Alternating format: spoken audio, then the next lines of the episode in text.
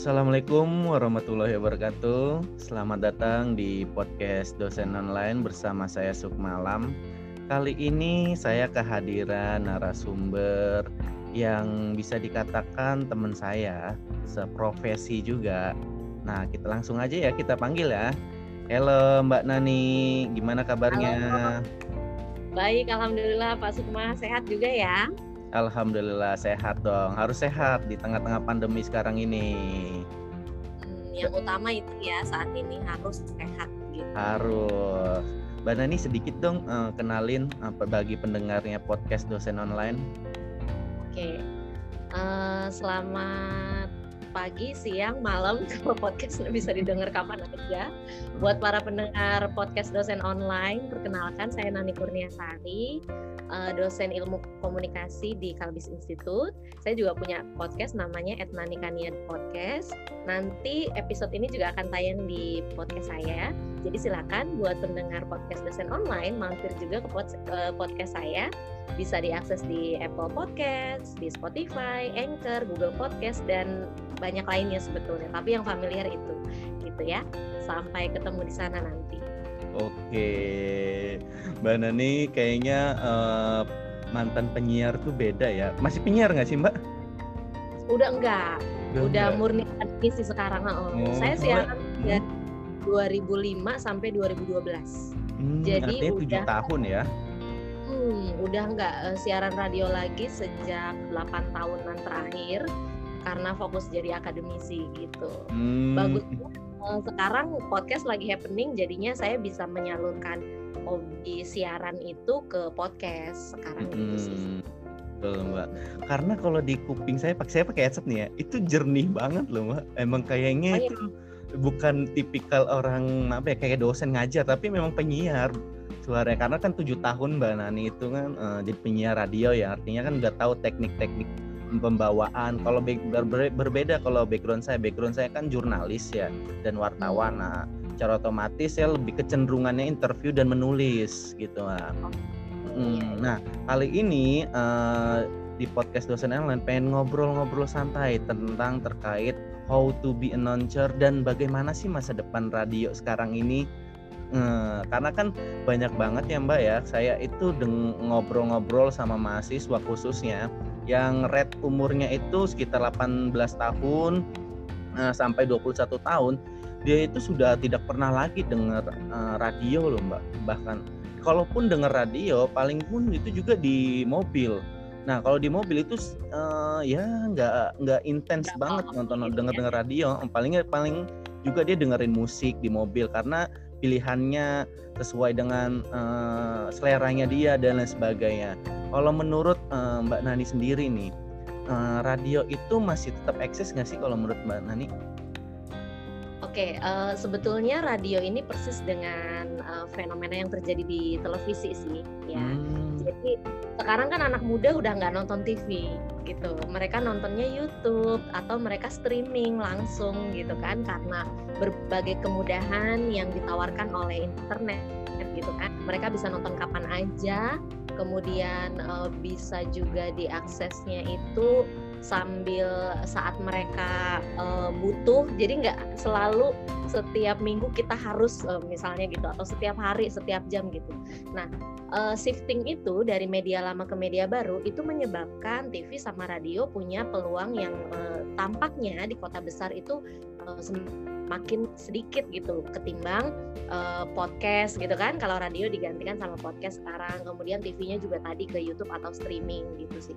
Tapi sebetulnya kalau kita mau lihat data uh, TV itu masih jadi nomor satu uh, sebagai sumber informasi orang Indonesia. Karena kalau kita memang mau lebih luas lagi melihatnya bigger picture gitu ya bahwa orang Indonesia itu kan bukan uh, cuma Jakarta atau kota besar di Indonesia berapa sih gitu kan? Nah teman-teman yang di daerah atau saudara-saudara kita yang di perbatasan gitu masih bergantung banget sama televisi dan uh, radio gitu. Nah kalau bicara soal masa depan radio sebetulnya kita sebagai orang komunikasi entah itu di broadcasting atau uh, teman-teman di penyiaran pada umumnya gitu ya maupun TV atau radio itu jangan pernah khawatir kehilangan apa ya lahan gitu ibaratnya karena uh, kontennya tuh akan selalu seperti itu gitu. Yang bergeser tuh hanya medianya aja gitu. Jadi uh, kita anggap aja media tuh cuma kendaraan. Kita bisa naik kendaraan apa aja saat kita butuh. Kadang kita butuh pesawat, kadang mungkin uh, masih butuh kapal laut atau harus naik mobil atau mungkin karena macet jadi harus menerobos pakai motor kayak gitu. Begitu juga dengan media. Kalau sekarang uh, TV dan radio udah nggak digandrungi lagi, kontennya siapa bilang gitu ya kan kontennya tetap uh, konten di podcast itu sebetulnya radio gitu kan podcast yang menarik biasanya dia ada back sound. Itu radio-radio di daerah itu biasanya masih pakai back sound. Beda kayak radio di Jakarta. Ada juga sih podcast yang nggak pakai back sound sama sekali. Dia pengen fokus sama uh, audio dari si misalnya narasumbernya sama hostnya tapi dia pasti pakai smash atau jingle atau bridging kayak gitu. Dan itu tuh sangat-sangat radio sebetulnya. Kemudian teknik berbicara bagaimana uh, bertanya ya kan? Teknik talk show gitu misalnya.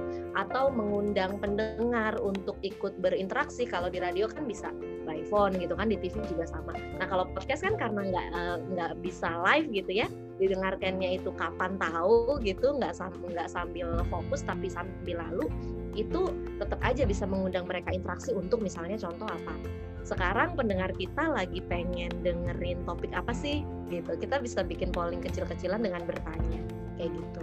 E, dengan itu kita bisa bikin konten yang sesuai dengan kebutuhan mereka jadi on demand banget itu sih Oke, emang sih on demand banget sih Mbak ya. Saya tuh punya podcast dosen online ini uh, berawal dari ya kecil-kecilan juga survei ditanya Pak tolong dong podcast sama si A sama si B senengan C karena uh, lagi-lagi kan itu market kita Mbak ya yang harus kita juga penuhi juga uh. tadi juga berkaitan dengan kalau tadi Mbak nyebut backsound oh, itu menarik juga nih Mbak kalau menurut Mbak sendiri Mbak Nani sendiri itu uh, perlukah sekarang ini uh, kalau konten podcast itu ataupun juga radio itu pakai backsound ketika kita ngobrol seperti ini ataupun juga lagi-lagi bawa siaran gitu mbak? Oke, saya amati podcast itu ada yang pakai background, ada yang enggak sama sekali. Tapi yang nggak pakai background sama sekali tetap pakai uh, apa namanya ornamen radio pada umumnya yaitu tadi yang saya singgung ada jingle, smash untuk menjeda gitu kan. Nah kalau uh, pakai atau tidak background menurut saya itu balik ke kebutuhan kita. Biasanya kayak saya amati radio-radio anak muda di Jakarta contohnya Gen Prambors itu nggak ada yang pakai background sama sekali. Itu kenapa? Karena saya melihat mereka tuh bicaranya terlalu cepet gitu kan? Speed ngomongnya tuh cepet banget kan radio anak muda gitu kan? Ya anak muda zaman sekarang pasti sukanya yang ngomong itu cepet gitu kan? Nggak mau lama-lama. Sementara kayak kita kita gini kan udah uh, generasinya itu misalnya X gitu ya itu kalau ngomong cepet ah dia ngomong apa ya?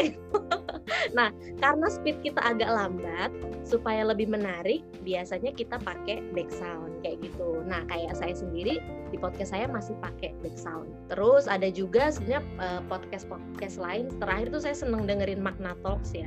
Nah itu uh, dia nggak pakai back sound tapi pasti dia pakai smash untuk menjeda gitu kan. Terus juga uh, dia pakai bumper in bumper outnya tuh disiapin banget gitu. Jadi itu kan sebenarnya produk radio ya dulunya. Sekarang diadaptasi sama para podcaster. Nggak harus bagus sih menurut saya. Yang penting kita tuh percaya diri membawakan uh, sesuatu gitu loh. Nah modal untuk percaya diri tuh biasanya kita prepare yang baik gitu kan. Kalau kita well prepare akan lebih uh, pede karena kita udah uh, punya nih apa yang mau kita bawain gitu kan. Terus alat itu sebetulnya hanya pendukung ya kayak sekarang nih. Uh, Pak Sukma dengerin saya gimana? Saya padahal nggak pakai headphone, nggak pakai mic. Saya cuman pakai uh, laptop saya. Memang MacBook Air sih laptopnya, MacBook Air 2020. Hmm. Tapi nggak gimana? Ditangkapnya gimana? Baik-baik uh, aja atau kurang? Baik, baik jernih sih jernih Terus juga ini nih Mbak, uh, tadi kan Mbak nyebut pernah di RRI ya, kalau nggak salah ya. Mm. Dulu radionya di RRI mana Mbak? Di Jakarta atau di daerah? Cirebon. Saya kan dulu kuliah S1-nya di Cirebon. Hmm. Jadi eh, saya waktu itu sebetulnya awalnya tuh gimana ya? Teman-teman pertemanan di kelas gitulah di kampus. Saya masih semester 1 S1 waktu itu. Dia bilang, "Nan kayaknya oh S1." S1 Uh, Berarti baru semester satu baru masuk masuk kuliah tuh. Baru masuk baru masuk kuliah. Waduh, luar biasa itu. Jarang-jarang, Mbak. Iya.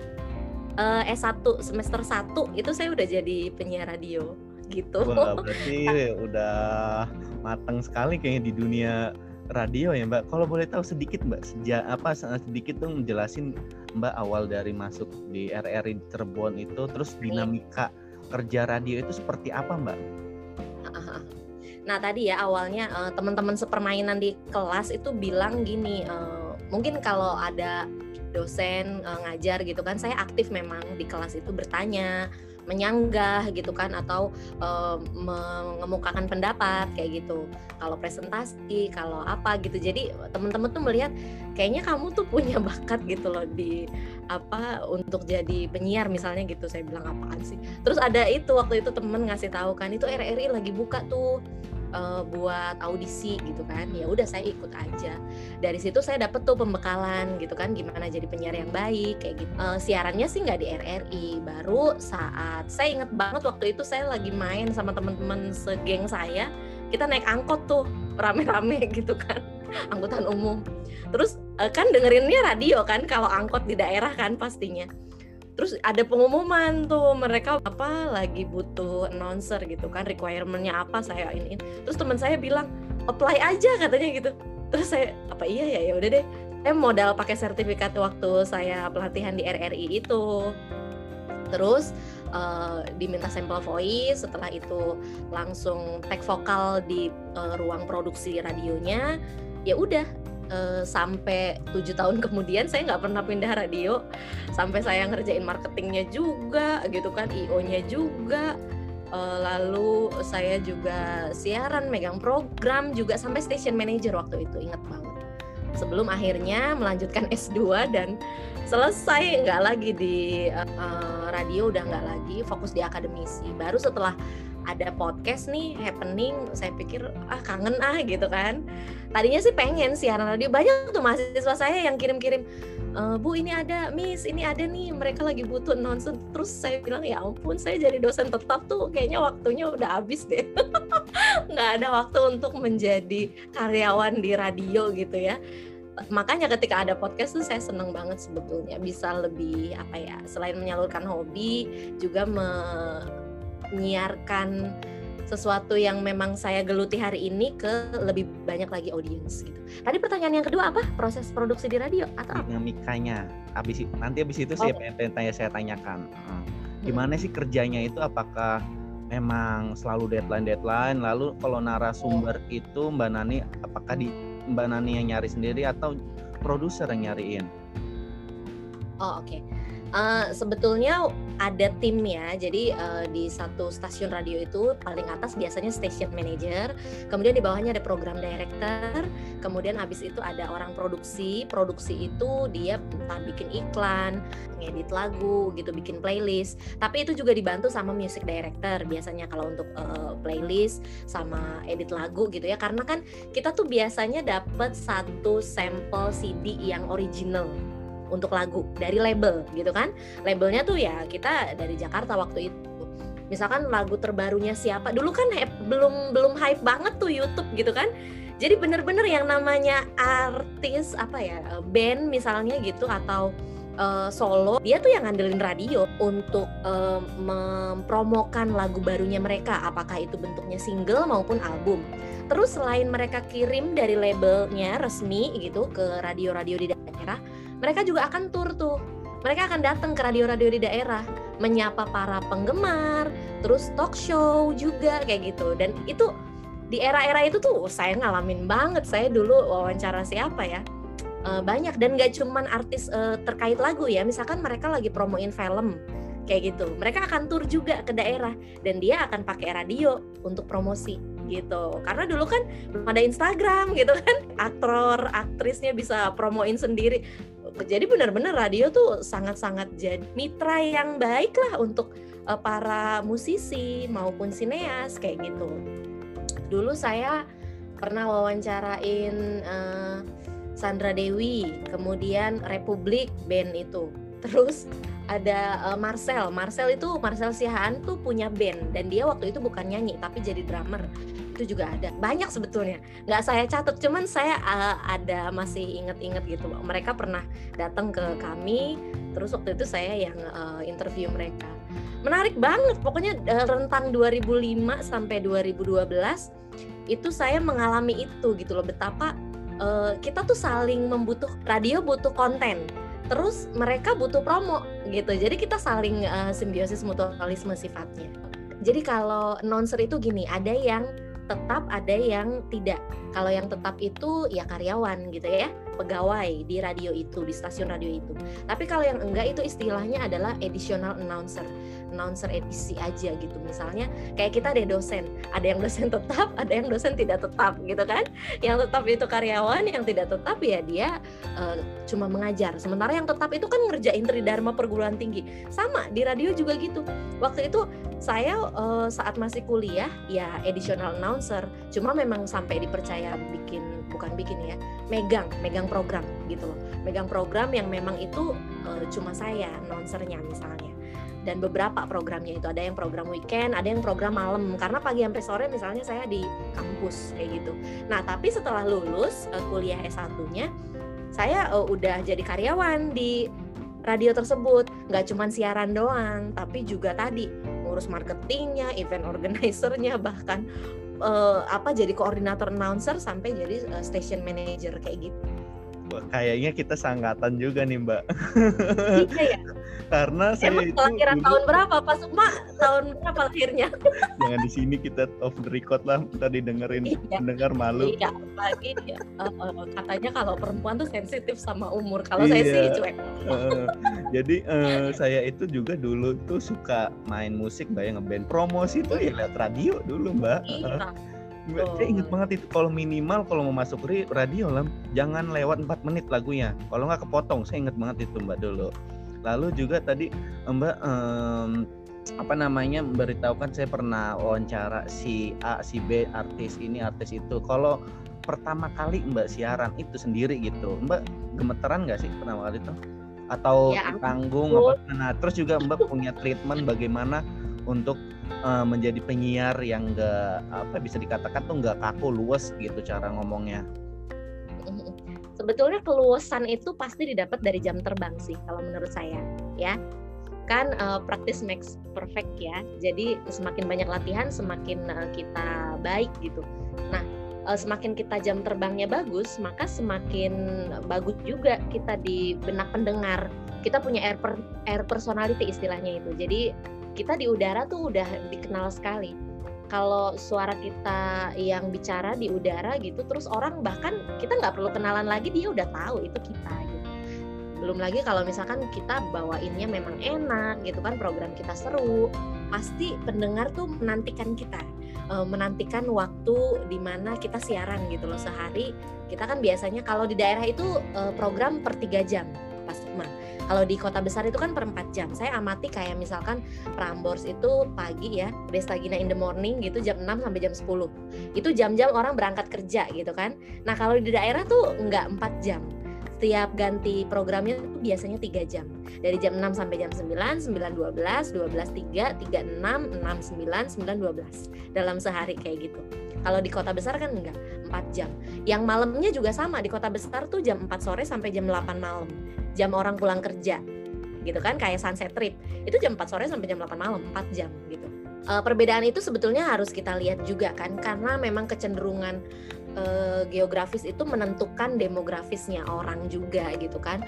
Apakah uh, gaya hidupnya dia psikografisnya juga menentukan. Jadi gimana sih apa remaja di Jakarta mungkin ngomongnya itu harus dicampur pakai uh, bahasa Inggris dan Inggrisnya tuh bukan yang formal tapi slang gitu.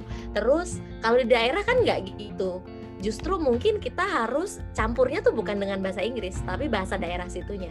Kayak di Cirebon, Cirebon tuh kan ada bahasa daerah bahasa Cirebon, bukan bahasa Sunda, bukan bahasa Jawa, tapi bahasa Cirebon gitu. Jadi kita bisa pakai apa imbuhan-imbuhan, pakai bahasa Cirebon misalkan priben jeh gitu gimana sih gitu kan nah kayak gitu itu penting jadi kita harus uh, tahu juga sih gitu uh, bagaimana uh, membawakan diri gitu ya, disesuaikan dengan audiens kita, juga harus menjadi representasi dari stasiun radio itu sendiri sih.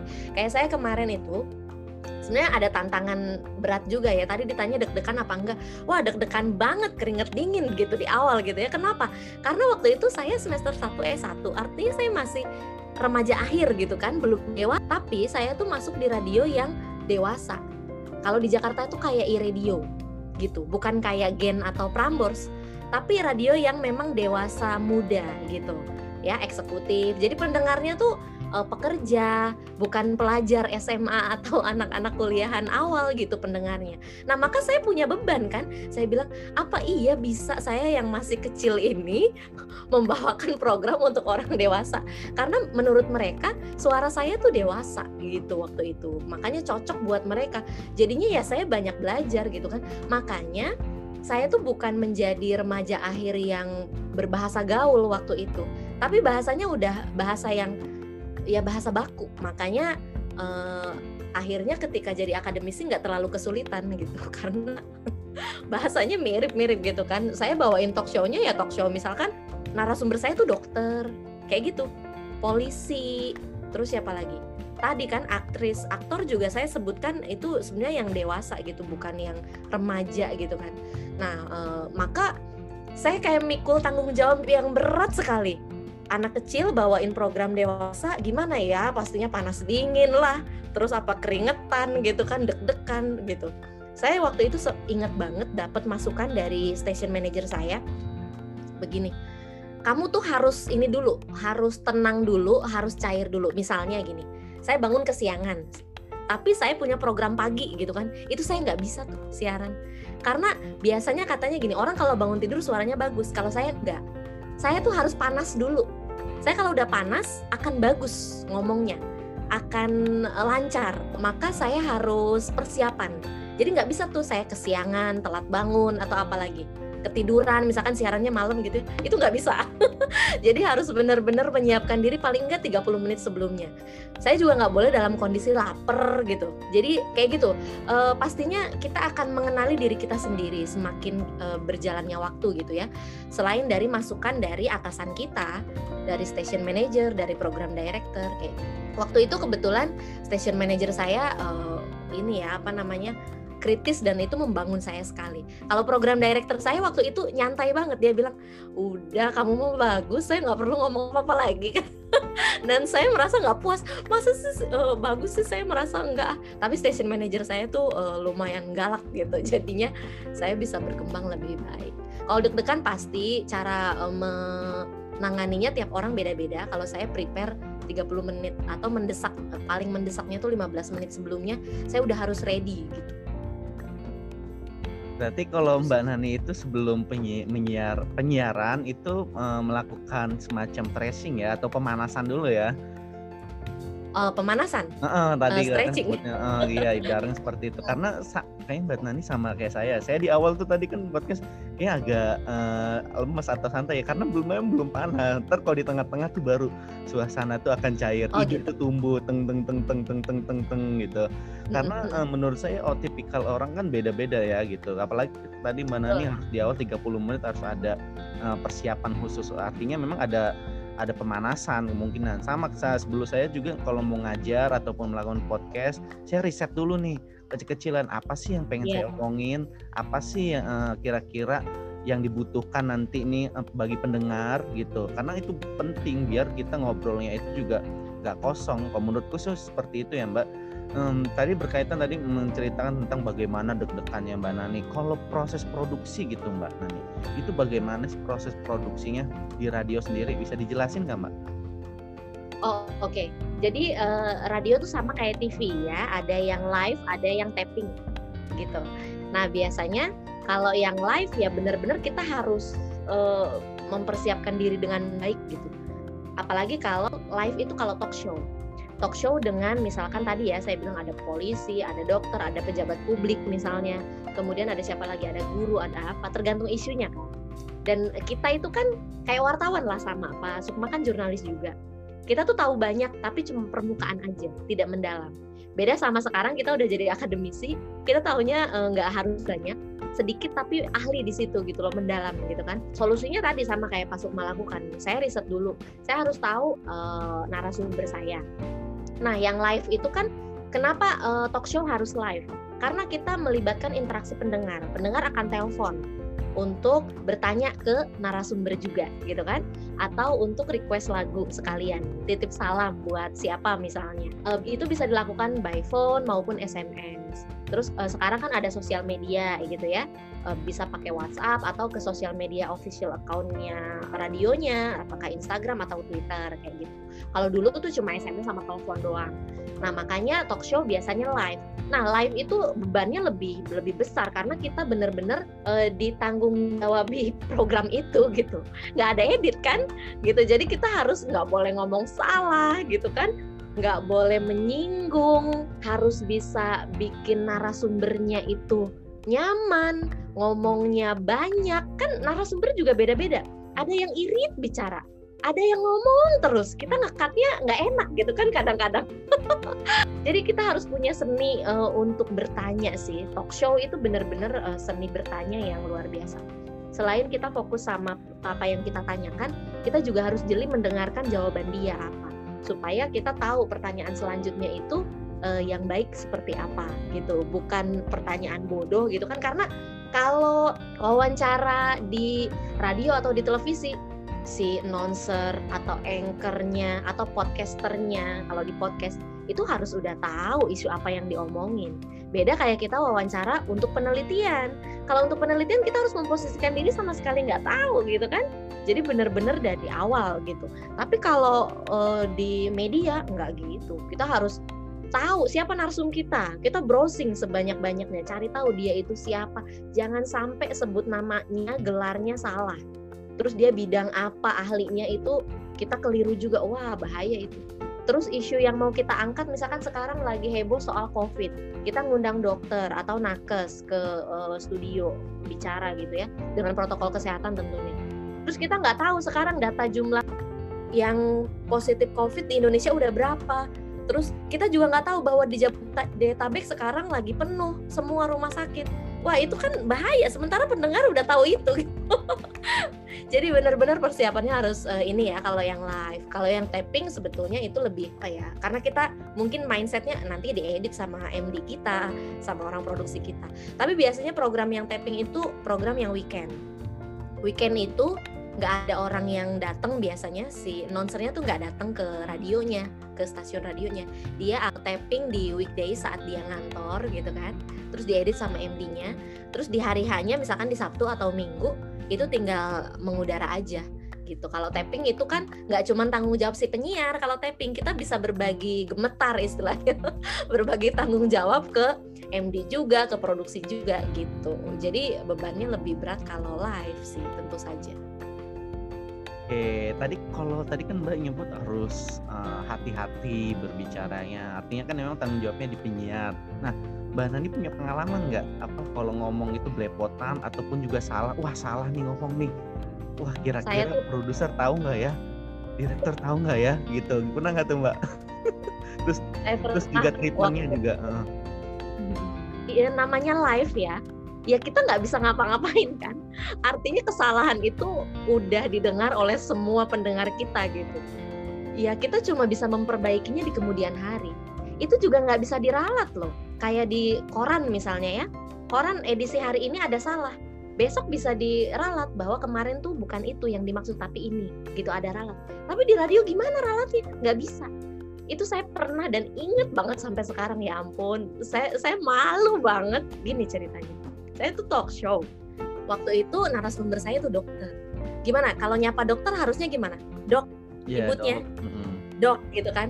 Yang bener kan iya dok gitu kan. Bagaimana dok? Menurut dokter gimana? Harusnya gitu kan? Tapi apa yang saya lakukan? Waktu itu dokternya tuh cowok. Saya bilang pak dokter ya ampun. Emangnya terus saya bilang iya pak dokter pak dokter pak dokter gitu loh. Kayak ibaratnya kalau kita jadi benar-benar dan saya merasa nggak salah waktu live itu merasa ya baik-baik aja karena menurut saya itu kayaknya sopannya gitu deh pak dok pak dokter pak dokter pak dokter Tapi apa yang terjadi setelah uh, talk show-nya selesai, dokternya nggak komplain. Cuman saya dimarahin habis-habisan sama station manager saya. Kamu tuh kayak orang nggak terpelajar gitu, kayak orang dari apa ya kampungan dia istilahnya dia gitu kampungan nyebut dokter kok pak dokter katanya gitu emangnya kamu siapa kamu kan penyiar? Harusnya dok aja. Wah dari situ saya bilang iya iya iya. Sampai sekarang saya nggak lupa tuh kesalahan saya itu. Dokternya nggak komplain pendengar juga nggak ada sih yang yang SMS atau telepon kok manggilnya pak dokter? gitu enggak tapi setelah saya pikirin iya ya kenapa saya nyebut pak dokter? gitu. Ibaratnya kayak kita manggil profesor kita pak profesor gitu. Uh, ya kan? Pak Profesor, Pak Profesor kan harusnya Prof, Prof gitu aja kan. Makanya saya aduh ya ampun, ya udahlah itu pelajaran banget dan saya sebetulnya malu banget. Saya yakin di luar sana ada pendengar yang ngeh gitu. Itu nggak gitu, harusnya dok aja gitu. Tapi ya udahlah ya, udah lewat dan itu live saya nggak bisa minta maaf juga. Tapi di kemudian hari pastinya saya lebih baik, saya nggak melakukan itu lagi. Yang pasti gini, saya taunya gini sih Pak Sukma, kesalahan di udara itu termaafkan tapi tidak terlupakan gitu. Jadi pendengar tuh nggak akan pernah lupa bahwa kita pernah salah gitu. Tapi kita dimaafkan sih sama mereka. Mereka nggak akan tiba-tiba jadi benci sama kita gitu kan. Uh, tapi uh, mereka nggak akan lupa. Dia tuh pernah salah ngomong ini gitu. ya, memang, gitu sih. memang semua orang itu akan memaafkan tapi tidak bisa melupakan. iya betul. Gitulah eh, makanya live tuh banyak orang yang manggil eh pak dosen bu dosen tapi biasa-biasa aja kalau saya mbak ya. Mungkin memang iya. uh, lebih ke profesinya yang khusus oh. mungkin mbak ya kayak profesor iya. manggil gitu. Terus uh -uh. dokter. Saya juga manggil dokter tuh nggak pakai pak pakai bu. Langsung dok ini gimana nih dok? Iya yang betul kan memang begitu kan. Mm -hmm. saya pak dok. Pak dokter pak dokter tapi kalau sebagai uh, masyarakat awam itu biasa sih mbak nggak biasa salah betul tapi kalau dalam biasa. saya nggak tahu kalau dalam dalam dunia jurnalistik itu saya pernah neliti pakai framing tuh mbak kalau dalam jurnalistik itu kalau pakai menggunakan pak itu disamakan dengan profesinya sebagai maaf ya kayak tukang beca, tukang sayur, hmm. tukang ojek dan sebagainya. Karena kan penyebutannya pak gitu. Terus balik lagi nih mbak, uh, tadi Hmm, tak balik lagi nih mbak ini berkaitan tentang uh, masih di, uh, di produksi uh, radio gitu.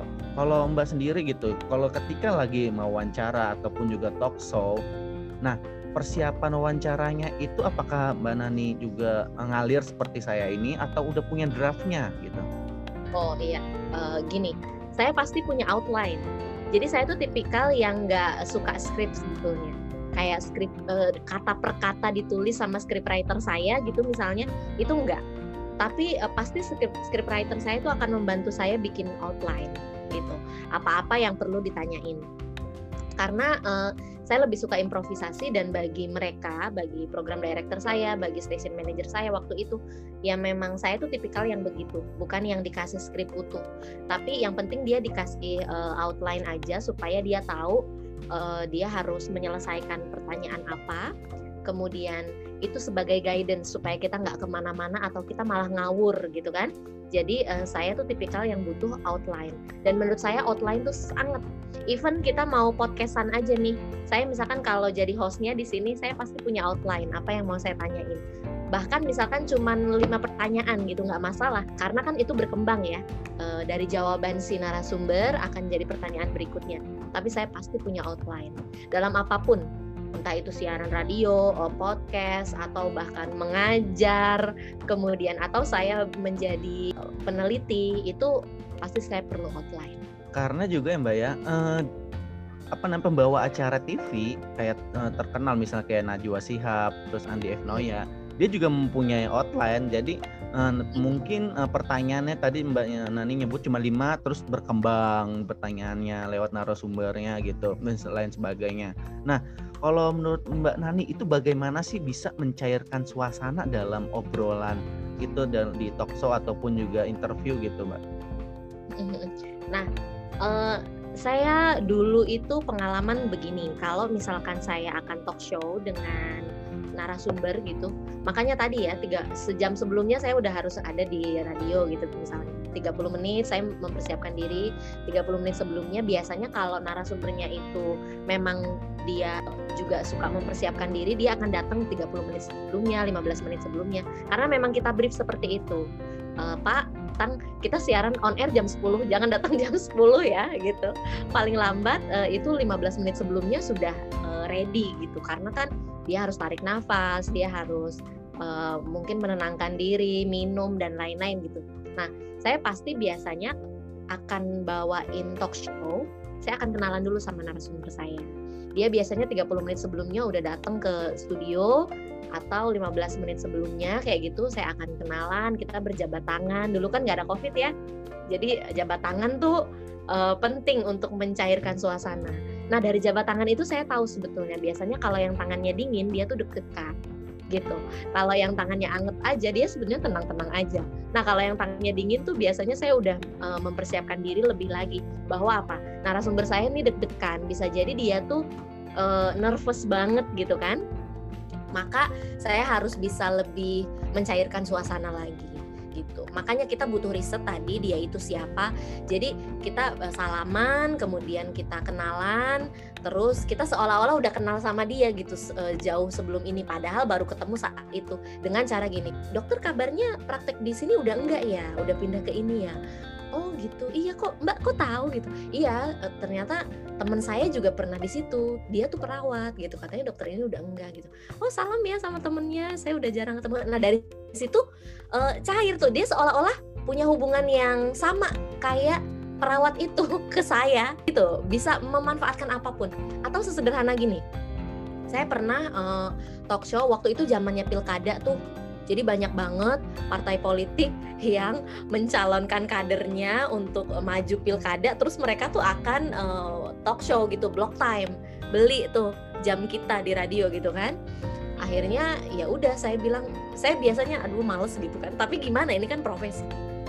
Akhirnya ya saya coba aja misalkan saya nggak punya bekal uh, mengenai dia siapa gitu saya puji aja dia waktu itu pakai jas pakai dasi gitu kan. Saya bilang dasinya motifnya bagus sekali pak gitu. Ini kayaknya bapak ini ini ini karakternya gitu. Jadi dari situ dia merasa loh kamu kok tahu saya sih? Padahal kita belum pernah kenal gitu. Nah dari situ sebenarnya banyak banyak yang bisa membuat narasumber kita tuh nyaman sama kita dulu sebelum kita mengudara. Apa pun misalkan kalau yang perempuan uh, saya bilang Eh, ibu cerah sekali gitu tampak berbahagia saat ini gitu. Kalau dulu kan belum belum ada tuh istilah glowing gitu kan. Uh, ibu glowing banget gitu. Skincarenya apa? gitu. Jadi sebetulnya apa pun bisa dibuat untuk mencairkan suasana dan memang kita penyiar radio, anchor ya, eh, broadcaster apa pun lah termasuk podcaster ya harus luas, nggak boleh kaku. Kita harus pintar bergaul, supel gitu kan istilahnya gitu. Jadi belum kenal pun ya kita harus memposisikan diri seolah-olah sudah akrab. Kayak sekarang saya sama Pak Sukma kita kan belum pernah ketemu secara fisik. Baru dua kali ketemu di udara. Iya, tapi kayak kayak udah kenal lima tahun gitu kan ngobrolnya. Gitu sih. Oke saya ini gemeteran loh nervous nih mbak. Nge-podcast mana nih tapi nggak kelihatan gitu. nggak nggak bercanda saya. Ini pertanyaan terakhir nih mbak Nani. Pertanyaan terakhir itu setelah kita berbicara mengenai radio terus tips uh, terus juga bagaimana anti uh, gemeteran saat juga melakukan penyiaran. Nah pertanyaan saya itu mbak how to be good uh, announcer yang pasti sih eh, kita harus terus belajar ya. Tadi uh, nonser itu wawasannya harus luas meskipun nggak mendalam pengetahuan dia tentang itu. Jadi dia harus terus mengupdate dirinya tentang apa yang terjadi di sekelilingnya saat itu karena dia akan menjadi corong uh, media kan media tuh bertumpunya sama announcer bukan program directornya yang ketemu sama pendengar bukan music directornya bukan station manajernya tapi penyiar gitu. Jadi penyiar tuh harus bisa membawa diri uh, supaya dia tetap in gitu dengan apa yang terjadi saat ini. Dia harus mengupdate diri dengan baca, kemudian mendengar, terus dia juga harus mengupgrade diri dengan mengikuti pelatihan misalnya gitu. Terus mempersiapkan diri latihan uh, setiap hari, senam wajah dan lain-lain gitu ya. Latihan pernafasan itu penting. Jangan pernah merasa bahwa kita udah konser kawakan nih, ngapain belajar lagi? Ngapain ikut pelatihan lagi? Eh kata siapa? Gitu kan ilmu ada dari mana aja di mana saja kemudian dari siapa saja kita bisa belajar gitu sih. Jadi jangan berhenti belajar jangan berpuas diri dan jangan juga sombong supaya kita terus mempersiapkan diri dengan baik gitu. Jadi nonser yang baik saya rasa itu sih ya. Jadi uh, supaya kita punya uh, kemampuan yang semakin baik kita harus punya jam terbang yang banyak gimana caranya kita punya jam terbang yang banyak gitu. Ya caranya harus bikin kita dipercaya untuk eh, pegang program itu terus. Supaya kita dipercaya ya kita harus uh, baik gitu. meyakinkan gitu bicaranya luar biasa sekali tipsnya meyakinkan. Jadi non iya. nggak perlu pinter tapi harus pinter. Sama saya juga bikin podcast itu benernya saya kan uh, podcast saya banyak banget ya latar belakang dari narasumber saya. Saya kadang-kadang nggak tahu nih backgroundnya apa isunya apa. Cuman ya bener kata mbak Nani itu ya kita dipaksa untuk pinter dan tahu harus tahu gitu ya mbak ya.